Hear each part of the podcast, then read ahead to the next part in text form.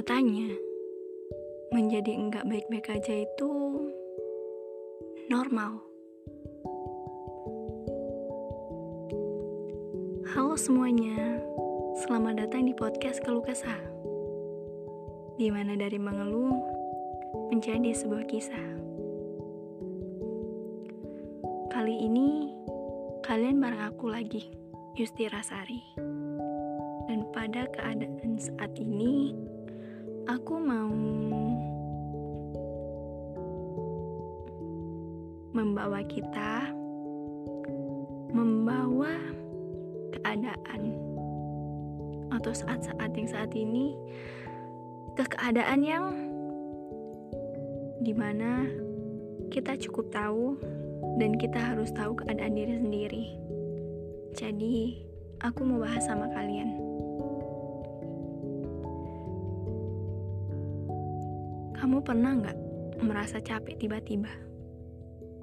Nggak tahu lagi apa, tiba-tiba kayak pikiran langsung berat, hati langsung berat, mau ngapa-ngapain juga nggak enak, terus males, pengennya rebahan, pengennya di dalam pikiran itu kayak menyendiri di suatu tempat di mana cuma ada kamu seorang aja. Terus dan yang kamu bayangkan dan yang paling kamu inginkan hanyalah berdiam diri. Terus, pernah nggak kamu kalau malam memikirkan tentang kehidupan dan segala wacananya? Kayak besok pagi harus gini, siang gini, malam gini, balik lagi istirahat. Tapi, walaupun kamu tahu siklusnya, kamu selalu khawatir sama apa yang ingin kamu lakukan. Kali ini kita bahas hal tersebut yuk. Di episode ini aku punya suatu ketertarikan di mana episode sebelumnya menyentuh tentang sisi kalau enggak baik ya nggak apa-apa. Kalau emang lagi kenapa-napa ya nggak apa-apa. Bukan berarti kalau lagi kenapa-napa itu harus dibuat harus dibuat langsung nggak apa-apa. Harus dibuat langsung selesai masalahnya. Padahal ya enggak. Kalau emang lagi nggak baik ya udah. Nikmati aja. Ya memang bener pasti ada masanya kayak gitu namun selama enggak baik gitu apa kamu harus menyerah apa kita harus menyerah apa kalian harus menyerah? Enggak.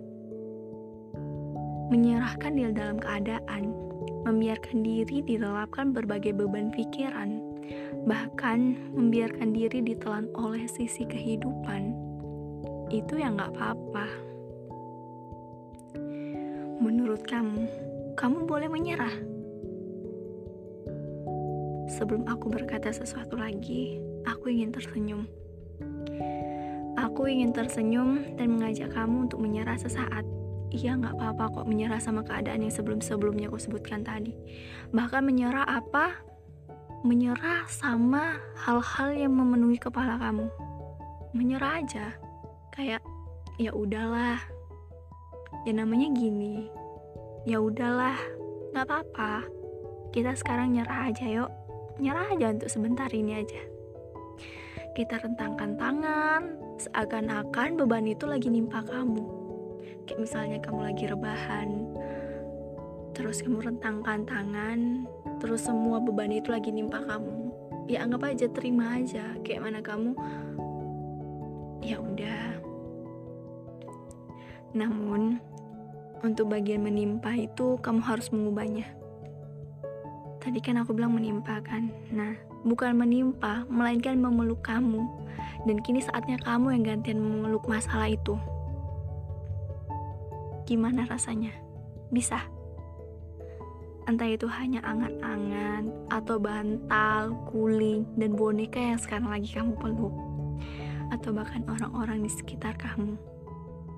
Hal itu juga boleh kok masuk dalam khayalan saat ini.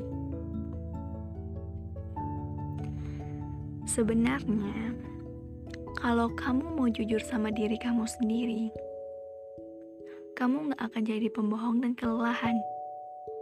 Ini serius. Kamu gak akan kalah sama masalah itu kalau kamu jujur dari awal. Bahwa kamu butuh waktu. Bahwa kamu sangat menginginkan sesuatu. Jujur aja. Jujur semuanya. Akan hal-hal yang gak bisa kamu miliki. Akan hal-hal yang sangat kamu inginkan. Kalau kamu jujur dan bilang ke diri sendiri, beban itu pasti gak terasa karena kamu bilang, bukan memendam. Bukankah segala kelelahan yang kamu punya sumbernya dari keinginan yang tak tersampaikan? Coba ingat-ingat lagi hal-hal yang jadi beban bagi kamu, hal-hal yang buat kamu stres, hal-hal yang kayak semuanya berat, dan kayak nggak ada jalan keluarnya sama sekali itu. Pasti karena keinginan dan sesuatu yang nggak terpenuhi dan tersampaikan kan segala hal nggak bisa dimiliki. Namun kalau kamu aja udah membatasi diri untuk menyampaikan jelas semua nggak bisa dimiliki. Mimpi yang kamu punya misalnya. Kalau kamu punya mimpi terus nggak kamu sampaikan, pasti itu jadi beban.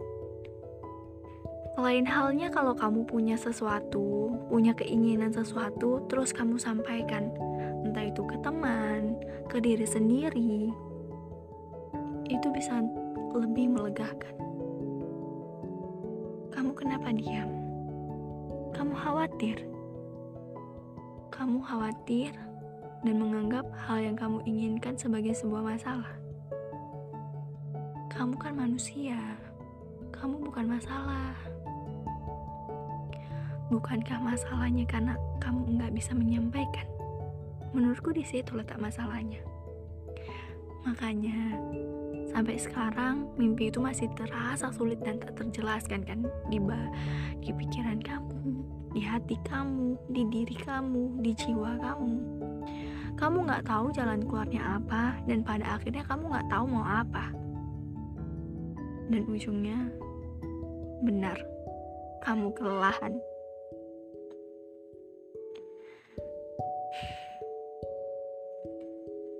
Kali ini, banyak nuansa yang patut kamu jadikan lebih berharga.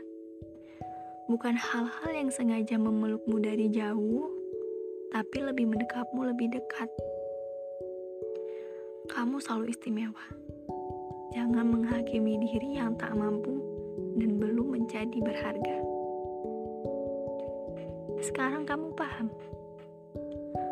Mau seenggak baik apa pun energi dalam dirimu, mood kamu, keinginan kamu, beban kamu, bukankah yang terpenting adalah jujur sama diri sendiri dan mengatakan, Aku lagi males. Aku malas ngapa-ngapain. Aku pengen istirahat untuk kali ini. Nanti, kalau kamu sudah selesai melakukan penjujuran pada diri sendiri, kamu balik ke sini lagi ya. Kamu balik, kamu balik menjadi seseorang yang kamu pengenin. Nanti kalau lelah lagi, kamu jujur lagi aja sama diri sendiri. Tapi, kalau kamu bosan sama siklus itu, kamu harus berkaca. Sebenarnya, siapa diri kamu? Aku Istirasari, teman kamu. Jika kamu memang mau menganggap aku teman, undur diri ya. Semoga kita dapat berbincang lagi di podcast kelukis keluh kesah ini di mana dari mengeluh menjadi sebuah kisah. Salam semuanya. Tapi sebelum aku nutup, podcast kali ini, aku mau ngajak kalian berpikir hal sederhana. Kalian ada yang sedang bekerja? Atau kalau cuma di rumah, kalian pernah nyuci piring nggak? Ini kita andaikan ya. Piring-piring yang bertumpuk itu kita anggap sebagai masalah. Sedangkan air, sabun, itu sebagai pembersihnya. Dan kamu adalah orang yang melakukan itu. Piring itu kamu selesaikan satu, satu, satu. Kadang kalau yang nodanya banyak, kayak bekas rendang, goreng, itu minyaknya pasti apa kan? Banyak kan? Dan gitu di piring plastik. Pasti kalau mau ngilanginya kadang bisa sekali cuci langsung bersih. Kadang juga enggak. Dan saat mau dipakai malah kayak lebih bau sabun lah, lebih bau lagi minyaknya yang sebelumnya lah. Sama aja kayak kita lagi ngadepi masalah masalah itu memang nampak selesai, tapi kadang masih sisa. Kalau kita bilang kayak efek, efek samping, di mana yang kita selesaikan itu nggak benar-benar selesai. Tapi, mau gimana pun itu, tetap harus dilakukan, ya kan? Kalau piring itu nggak kamu cuci, kamu nggak akan bisa hidup tenang. Kayak misalnya dimarahi orang tua, dimarahi bos kalau misalnya lagi kerja. Sama halnya kayak hidup ini. Kalau masalah nggak kamu selesaikan, pasti yang buat ribet itu perasaan sendiri. Sebab merasa keganggu. Jadi, mau gimana pun itu, apa pun yang sedang kamu lakukan itu,